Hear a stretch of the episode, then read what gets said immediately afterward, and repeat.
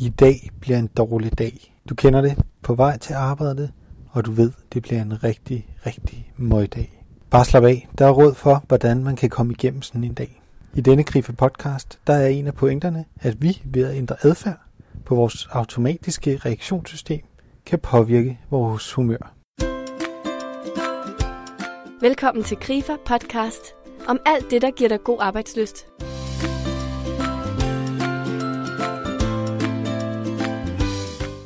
Der kan være mange årsager til, at vi har en dårlig dag. Men i de fleste job er der ikke lov til, at dårlige får lov til at dominere. En dårlig dag kan medføre, at vi reagerer irritabelt, stresset, nervøst og ikke just motiverende og til gavn for arbejdsglæden.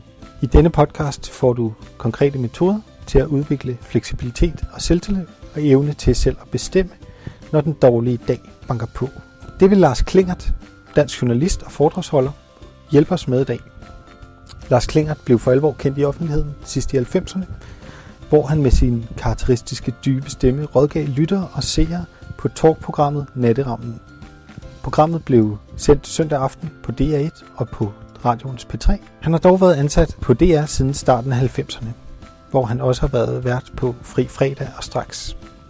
I 1999 startede Lars Klinger sit eget konsulent- og undervisningsvirksomhed, hvor han tilbyder kursus inden for stemmetræning, retorik og kommunikation. Jeg har lagt ud med at spørge Lars om, hvad kommunikation og dialog har det med at have en dårlig dag at gøre. Mit navn er Ulrik Skovgaard. Jeg er konsulent hos Grifa. Velkommen til. Jeg hedder Lars Klingert, og jeg underviser i kommunikation og i præsentation, det vil sige retorik, og i stemme. Men når vi så taler kommunikation, altså dialogbaseret kontakt, jamen så er det jo en, en, underlig, øh, en underlig effekt, det får, fordi der er jo altså en afsender, der er en modtager, og afsender og modtager skifter hele tiden og påvirker hinanden hele tiden. Ikke? Det kan de jo også gøre selvfølgelig, hvis man taler til plenum, ved at der er spørgsmål eller kommentarer, eller kvævlanterne skal høre sig selv fremlægge modargumentationen osv. Ikke? Men specielt i dialog, der skifter serveretten altså hele tiden. Og der gælder det om at være holde fast selvfølgelig i sin holdning, men også være fleksibel og møde den anden. Og det kan jo nogle gange være svært, hvis man er i underskud, eller er under pres, øh, stresset, eller andre forhold, der gør, at man ikke sådan er helt i balance. Og hvis vi så taler decideret at have en dårlig dag. Lad os lige prøve at sige det her med underskud. Hvornår kan man være i underskud? Ja, man kan være i underskud, hvis man er stresset, er presset, uoplagt. Det kan være, at man har sovet for lidt, helt banalt. Øh, det kan være, at man er udsat for, for kritik, eller man er demotiveret. Ja, så kan det skabe et underskud, og det underskud, det ruller man jo foran sig. Det kan være, at man i forvejen synes, at det er lidt hårdt, det her. Men så er det bare endnu hårdere, når man så har underskuddet som det første, der kommer til modtager. Fordi det mærker de jo også, eller nogen mærker det, nogen mærker det ikke. Men der er rigtig mange, der mærker det. Ikke? Så det gælder om at, at ophæve det underskud i gerningsøjeblikket, altså i den tid, der er dialog. Så kan man jo godt være i underskud før og efter. Og nogle gange, der gælder det faktisk om at udsætte tændingen til det øjeblik, man går i gang med dialogen. At man simpelthen, fordi hvis man nu, lad os sige, man hjemmefra om morgenen står op, og man ved bare, at det her det er en rigtig skidt dag, eller en skidt periode, man er i. Og jeg har denne her vigtige dialog senere, eller monologpræsentation senere, så kan man jo godt opleve et yderligere pres. Så det at være i underskud, der kan det nogle gange være en lettelse at lade sig være i underskud og give en det fornødne overskud, det så kræver, når man så skal tænde og være på. Det er lidt et paradoks, at for at kunne tænde, bliver du nødt til at være slukket. Men udsæt tændingen så længe som muligt, og så i det øjeblik, at man går i dialog eller monolog, der laver man sin tænding. Og det kan man gøre kropsligt. Altså, der er jo nogle krops... Vi har jo flyttet vores krop derhen, hvor den skal være. Det kan godt være, at den er slap og uoplagt og dvask, ugideligt træt. Men den er flyttet derhen, hvor den skal være. Og der arbejder jeg, der, der tager jeg meget fra medieretorikken. Jamen, hvordan får vi folk til at emme af overskud i det øjeblik, de skal på? Og det, altså, jo mere slap du er, lige inden, desto lettere er det at få tænding. Og det foregår ved et lille bitte vip, man laver med sin overkrop. Ryg ud af balance, og så tager dit udtryk farve af den tænding, der sker. Fordi i det øjeblik, at vi er i vores homeostase-tilstand, som det videnskabeligt hedder, ikke? altså hvor vi er fuldstændig i balance, jamen, der sker ikke det store. Så der skal en lille smule stress til at tænde og åbne og være nærværende og parat til at lytte og fange det, der bliver sagt osv. Ikke? Så hvis man i forvejen er stresset, og op i det røde felt for eksempel, jamen så gælder det om at slukke. Hvis man i forvejen er slukket og helt uoplagt og sådan nærmest små øh, melankolsk eller depressiv, jamen så gælder det bare om at blive i den tilstand, og så tænde kropsligt vip en lille smule med kroppen, og det kan gøre så øh, lille, så altså, at man ikke kan se det. Så når man sidder i bilen på vej til sit job, og man kan mærke, at det her det er en dårlig dag, lige om lidt, så kommer jeg ind, og så skal jeg møde mine kollegaer. Hvad gør jeg så? Ja, så, så er det jo en dårlig dag. Fordi det gælder også om at være tro mod sig selv, at man ikke sådan, jeg har en dårlig dag. Nej, det er det ikke. Det er en god dag. Altså, det er jo løgn. Fordi hvis det er en dårlig dag, så er det en dårlig dag. Og det må det faktisk også gerne være. Men det må bare ikke være så dårlig en dag, at man ødelægger ting, der kunne måske være gået godt. Og så, fordi så bliver det endnu dårligere dag. Ikke? Så derfor, jamen, det er en rigtig dårlig dag, og jeg er på vej derhen, og det her, det... Selvfølgelig er der nogen, der arbejder med det, der hedder positiv tænkning. Jeg synes, positiv tænkning har den ulempe, at man lægger et lag ovenpå af løgn. Hvor positiv psykologi er, har meget mere kvalitet. At man anerkender øh, det negative. Jeg anerkender den dårlige dag som værende et faktum. Jeg er udsat for det pres. Øh, det, det kører dårligt på hjemmefronten, det kører måske dårligt på arbejde, det kører dårligt på alle mulige forskellige lederkanter jamen så gør det det. Og det gør det jo ind imellem, og, så, og det må det faktisk også gerne, fordi det der med, at man kan køre igennem et helt liv og være den bedste udgave af sig selv, og jeg ved ikke hvad, altså det kan man jo ikke hele tiden. Så det er en dårlig dag, og derfor skaber jeg et rum til det, men når det så gælder, og når jeg skal i dialog, og det gælder om at overbevise andre om noget, og påvirke andre, så må det være så positivt som muligt. Så jeg udsætter simpelthen tændingen. Så i bilen må gerne være sur.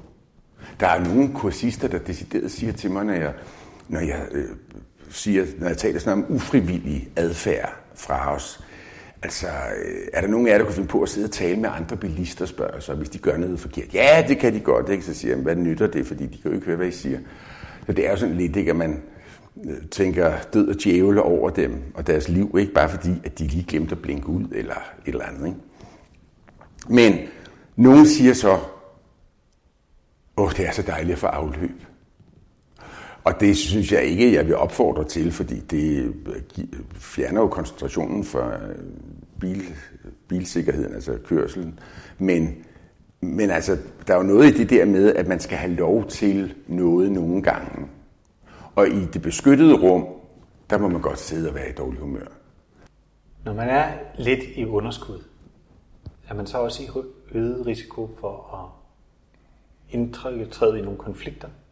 Ja, det er jo det. Altså, øh, I det øjeblik, vi er i underskud, så går det autonome nervesystem jo ind og hjælper os.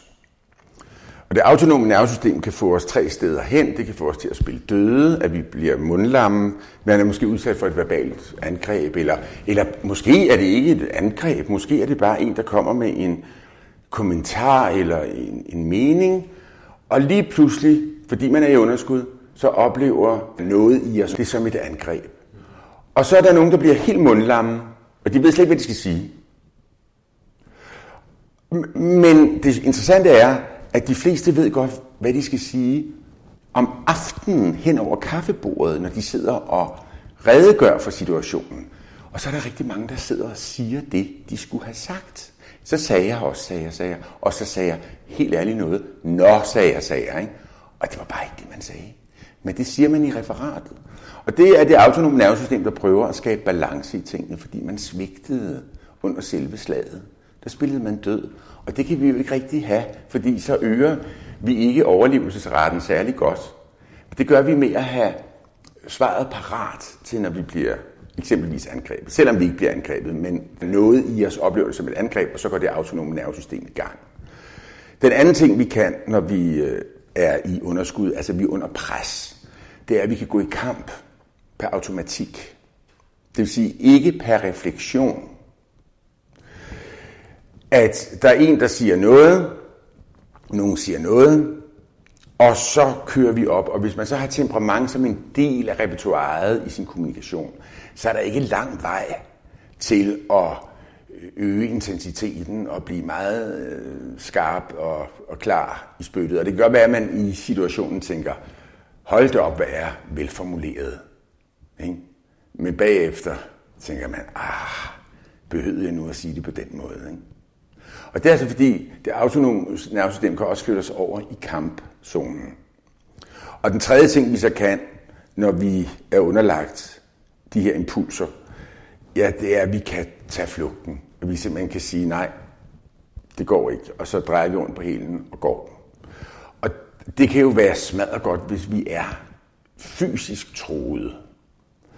Men jeg formoder, at det er sjældent, at lytterne her er fysisk troede, når de går på arbejde, eller de sidder på et møde og diskuterer en eller anden sag.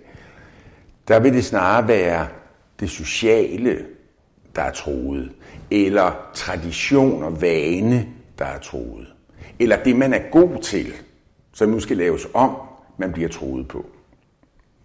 Så det autonome nervesystem kan hjælpe os, selvfølgelig kan det det, i situationer, hvor vi er reelt troede, men ofte vil det øh, spænde ben, når vi taler øh, social kontakt, dialog, øh, overbevisende kommunikation osv. Ikke?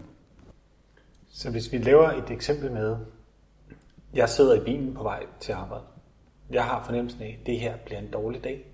Jeg møder ind på arbejde. Min chef, eller der ligger en besked til mig, der giver mig en uretfærdig opgave. Hvad gør jeg så?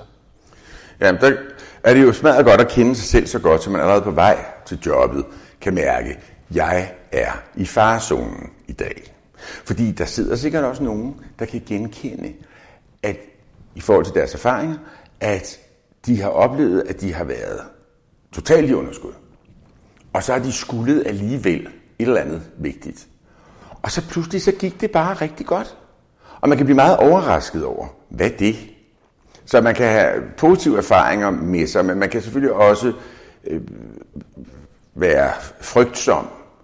Og det er meget godt at høre alarmklokkerne, fordi risikoen kan være større, hvis man er i underskud. Så allerede der, erkendelsen af, jeg er sårbar i dag, eller jeg er træt i dag, jeg er uoplagt i dag, jeg er irritabel.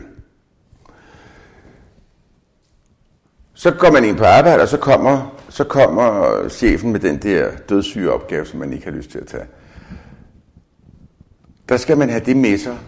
Jeg er sensibel i dag. Og så måske spørge, altså bruge øh, en spørgsmål til at få afdækket noget. Fordi der, der får man bedre forståelse af nogle ting måske, eller hvad er det, der gør, at det er mig, der skal lave det, for det plejer ikke at være mig, hvis det er sådan noget, der ligger i det, ikke? Eller øh, det hører faktisk ikke til mit område, i virkeligheden, at de andre, der øh, skulle lave det, det er sådan, altså spørge, hvad er det, der gør, at det er mig, der skal lave det, ikke? Altså simpelthen stå ved, at jamen, jeg har nogle opklarende ting. Fordi den forståelse, der nogle gange opstår, når vi stiller spørgsmål, den er med til at påvirke os og så gør det tåligt måske, at vi skal. Det kan også være, at man fastholder, jamen det her, det øh, synes jeg slet ikke er, øh, eller hvad det nu er, eller det kan jeg ikke, eller hvad det er. Ikke? Men hvis det ellers hører nogenlunde til ens område, så det at vide, at jeg er i underskud, jeg må gerne være i underskud, men den her opgave skal løses. Og den skal løses optimalt. Det er jo et paradoks inde i en, men det er jo ikke et paradoks, hvis man kigger på en virksomhed. Den skal jo køre, og tingene skal løses. Og der gælder det om, synes jeg, at gå kognitivt til værks og sige, jamen, jeg oplever det sådan her, og sådan må jeg faktisk gerne have det, og samtidig udføre det, jeg skal. Jeg kan se, at der er rigtig mange mennesker, der tror, at det er forbudt at have en dårlig dag. Det er forbudt at være negativ. Det er forbudt ikke at være den bedste udgave af sig selv. Og det skal man så være på hjemmefronten i forhold til børnene og ægtefælden og fritidslivet og det sociale liv osv. Det skal man så også være på arbejdet. For det er ikke nok at være god til at passe sit arbejde. Man skal også engagere sig i arbejdspladsen. Man skal indgå i forskellige teams, der arbejder på tværs osv. osv. osv. Hele tiden skal man være den bedste udgave af sig selv. Så det er forbudt og at opleve de der negative sider. Men det er det jo ikke, fordi de negative sider har enorme ressourcer i sig. Altså bare tænk på irritation, hvor stort et udtryk det kan få. Stemmen tager farve, kropssproget tager farve. Folk kan jo blive så grimme på under et sekund, kan man gå fra at være pæn og yndig og alt muligt. Og så bliver man sur eller irritabel, eller sådan noget, så bliver hele ansigtet fordrejet osv. Der er enorme ressourcer i det. Så have dem med, anerkend dem som et faktum, og så gå ind i det på den præmis, man nu er gået ind i det på, for eksempel arbejdet, jamen så er det, at der er altså nogle ting, der skal løses. Ikke? For det kan vores system godt finde ud af. At vi skal stadigvæk have mad på bordet, selvom at vi er i underskud. Du kender, og jeg kender, og lytterne kender måske den der kollega, der oftest eller tit kommer ind på arbejdet, og så melder rent flag og siger, jeg har en lidt dårlig dag. Er det en god vej at gå frem?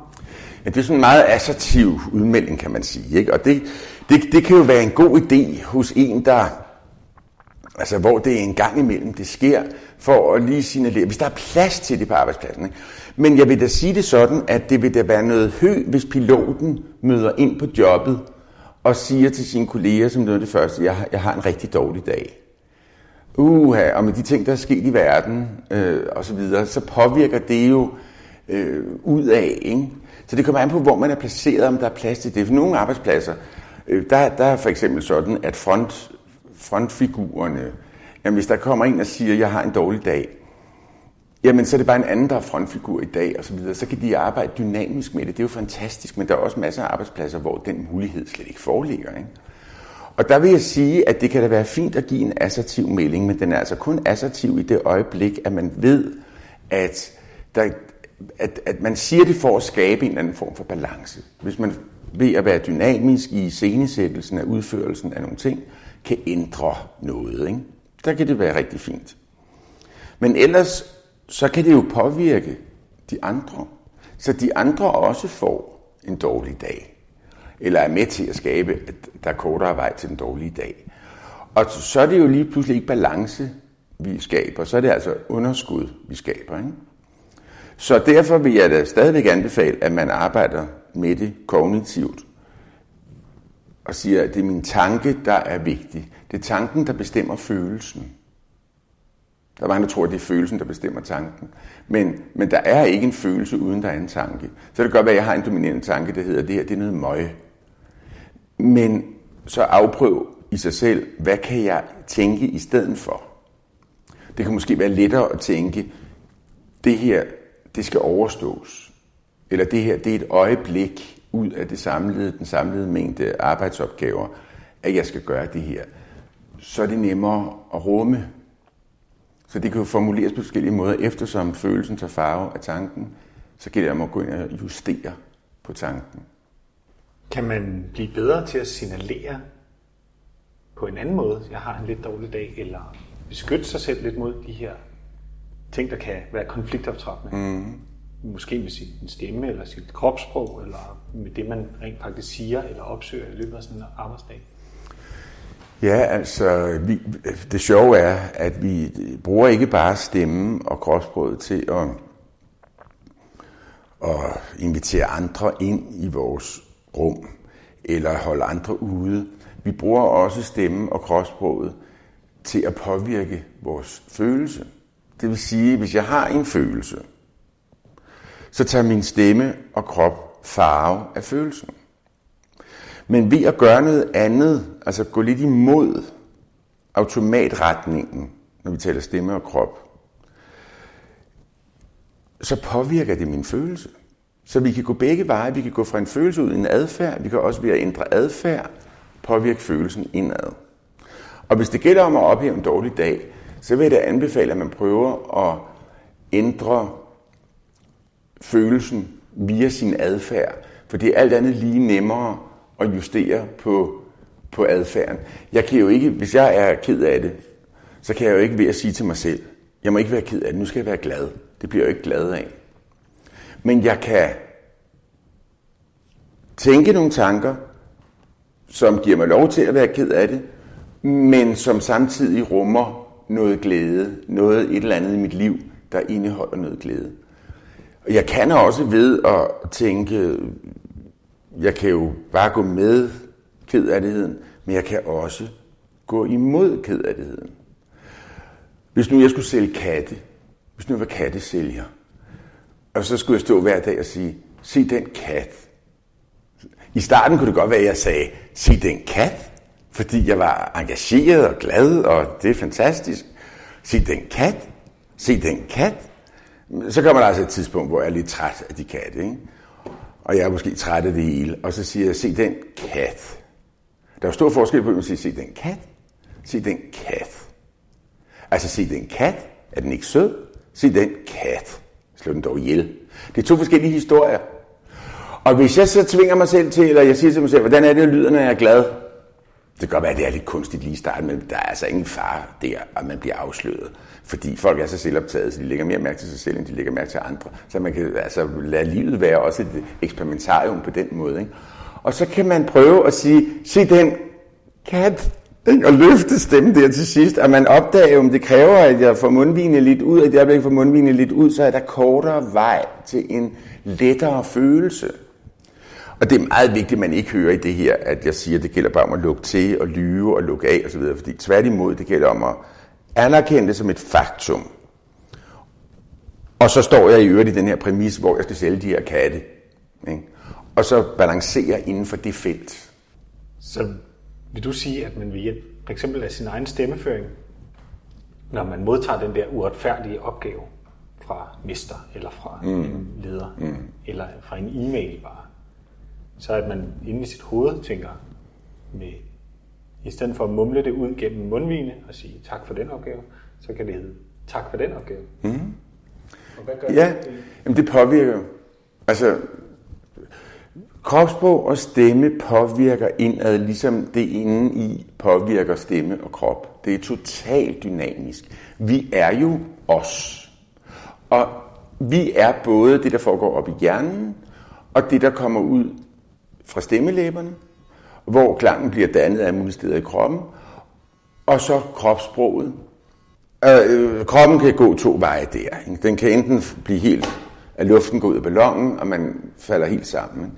Men det kan også være, at man simpelthen bliver så irriteret, at kroppen den trækker opad, og man får hjertebanken, og pulsen stiger osv. Det er jo for at gøre klar til kamp. Ikke? Det, så, samler man, så samler systemet blodet ind mod center. Og der kan det jo være en god idé at have sine kognitive ting parat, hvor man tænker, at det her det må gerne ske. Og der kan vi jo så også gå i modtræk kropsligt. Men det kan altså ikke lade sig gøre, vil jeg godt lige skynde mig at sige. Øh, og rigtig mange kender jo til, hvad er det, man skal gøre rent kropsligt for at gå i modtræk til et automattræk. Det er noget via vejrtrækningen. Men det kan ikke stå alene tanken må etableres, og man kan jo have modtrækstanker med sig. Man kan jo være forberedt, hvis man har en erfaring, og jeg ved, at der er risiko for, at nu bliver jeg ramt af et eller andet øh, dødssygt, ikke? jamen så kan jeg have min modtrækstanke med mig, og have den formuleret på forhånd. Men man kan jo også lave et modtræk øh, fysisk. For der sker en hel masse ting med os, når vi øh, er udsat for for angreb. Og et angreb, det kan være bare at få en arbejdsopgave, som ikke passer os, hvis vi i forvejen er i underskud. Ikke? Det kan opleves som et angreb. Og det kan vi gøre altså med vejrtrækningen, og der skal vi ind og have fat i den vejrtrækning, som, som jeg øh, kalder homeostase-vejrtrækning, altså den balancerede vejrtrækning, som kører autonomt. Fordi vi tænker jo ikke over, at vi trækker vejret, det skal vi heller ikke. Øhm, vi kan rent faktisk godt trække vejret uden at tænke over det. Det er meget heldigt for artens overlevelse. Ikke? Men når vi så skal bruge vejrtrækningen som modtræk, der gælder det om at starte min udånding. Og lad være med, at, altså folk har jo været på en masse kurser, og meditation, og afspænding og så videre. Og så er der rigtig mange, der har lært, at når man puster ud, så skal man spidse munden lidt. Men det behøver man jo overhovedet ikke. Det gør vi jo ikke til daglig. Vi går ikke rundt på gaden og spidser munden, hver gang vi har en udånding. Fordi vi har konstant indåndinger og udåndinger. Så man kan bare lige lade luften slippe ud. Man siger også, at man, man tabte pusten, eller man, man tabte melet, altså formuleringsevnen. Ikke? Øh, så gå med det, og så træk vejret ind. Og det er vigtigt, at når man så trækker vejret ind, at så ryger luften så langt ned som muligt. Og det er i retning af lungespidserne. Fordi når vi er under pres, så vil vores vejrtrækning lægge sig op i den øverste del af brystet. Og det er ren overlevelse. Hvis jeg er under pres, og der er lidt ilt, eller hvis der sker et eller andet, jeg skal have akut mange kræfter, så gælder det om at lægge vejrtrækningen op i den øverste del, fordi så kan jeg løbe hurtigere, stikke bedre af, eller jeg kan slå hurtigere, hvis det er det, eller jeg kan bedre styre det, hvis jeg skal spille død og gemme mig bag et eller andet. Men sørg for, at luften går så langt ned som muligt, og det gør man faktisk meget uschammerende ved, at man puster ud, uden man kan høre det. Man skal ikke kunne høre udåndingen, vel? Og så, når man trækker vejret ind, så, lad man, så taber man maven. Fornemmelsen af at tabe maven. Og det er ikke noget, øh, de fleste er så glade for. Fordi maven er ikke specielt attraktiv. Så sørg for at puste luften lidt ud. Og så træk vejret ind ved at give slip på maven tab maven. man taber den desværre ikke, kan jeg sige, men følelsen, fornemmelsen af, at man taber den. Fordi så kommer luften derned, hvor den er med til at fortælle os, jeg er i balance. For at forstå den vejrtrækning, så prøv næste gang, I går i seng, og hvis I har en partner, og partneren er den, der først falder i søvn, læg lige mærke til, hvor irriterende den vejrtrækning er. Fordi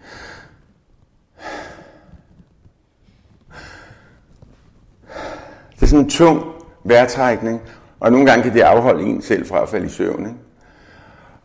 Og det er den vejrtrækning, vi skal ind og have fat i, fordi der kender kroppen sit udgangspunkt. Der er balance. Helt konkret gør det jo øh, det ved os, at vi går fra at være destabile, altså underlagt automatimpulser, til at vores frivillige del af hjernen øh, kan få plads. Så der er kortere vej til homeostasetilstanden, når vejrtrækningen kører øh, homogent og i flow osv., end når vi er abrupte i vejrtrækningen. Og der genkender kroppen også, at nu er der ro, nu er der balance. Og så er der kortere vej til ro og balance. Så, så det er jo ikke med, øh, altså det styrer jo ikke, hvad vi siger. Det er klart, det, det styrer vores egen indre tilstand. Og ved at den bliver mere balanceret, så er der håb for, at vi siger noget, der er lidt, lidt øh, mere hensigtsmæssigt i den pågældende situation. For det er jo ingen kunst at, for rigtig mange mennesker at komme med sine automatimpulser ud, men er det det, der er det smarteste? Det er ikke nødvendigvis sikkert. Men. Så hvis øh, du helt skulle give tre gode råd til en, når han lytter til det her, tænker, jeg har en dårlig dag, hvad gør jeg så? Et, Anerkend den dårlige dag som et faktum, og den gerne må være der. Den er ikke i vejen. Den er der simpelthen. Det gør, hvad man synes, den er i vejen. Men man behøver ikke at være overbevist 100% om, at den godt må være der. De kognitive forskere, de siger 50% overbevist skal man være, men ikke mere end det. To, vær så slukket som muligt, inden du går ind til hvad det nu er, hvor der er farezonen, kan man godt sige. Ikke? Der kan være farezonen bare i det øjeblik, man træder over dørtærsklen til, til arbejdspladsen. Eller man ved, nu skal man ind til hende der, den irriterende, der virkelig kan få en op at køre. Ikke? Hun må godt være irriterende. Jeg må godt være i underskud. 3. Og så sørg for at fremelske balancepunktet så godt som muligt med vejrtrækning og med en, en øh, nu, vejrtrækning er jo noget af krops, det sidder jo i kroppen, men der er jo også det øh, kropsbrugsdelen, som altså er den, der går ud af. Sørg for at have, hvis man ellers er et imødekommende menneske, have imødekommenheden med i kropssproget, fordi følelsen tager farve af, hvordan din krop er. Så det er de tre ting.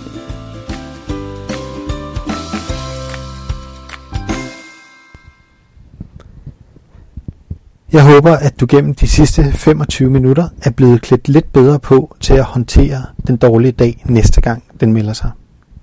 For som sagt, vi skal ikke underkende, at de dårlige dage findes, men måske kan du med din stemme og med din kommunikation og viden om det autonome reaktionsmønster komme lidt bedre igennem næste gang den dårlige dag melder sig på. Hvis du er en af dem, som har flere dårlige dage end gode dage på jobbet, så vil jeg anbefale dig at tage kontakt til vores jobtrivelseskonsulenter, som kan hjælpe dig igennem med konkrete værktøjer. De har tavshedspligt, og du kan ringe til dem. Mit navn er Ulrik Skovgaard, og på venlig genhør.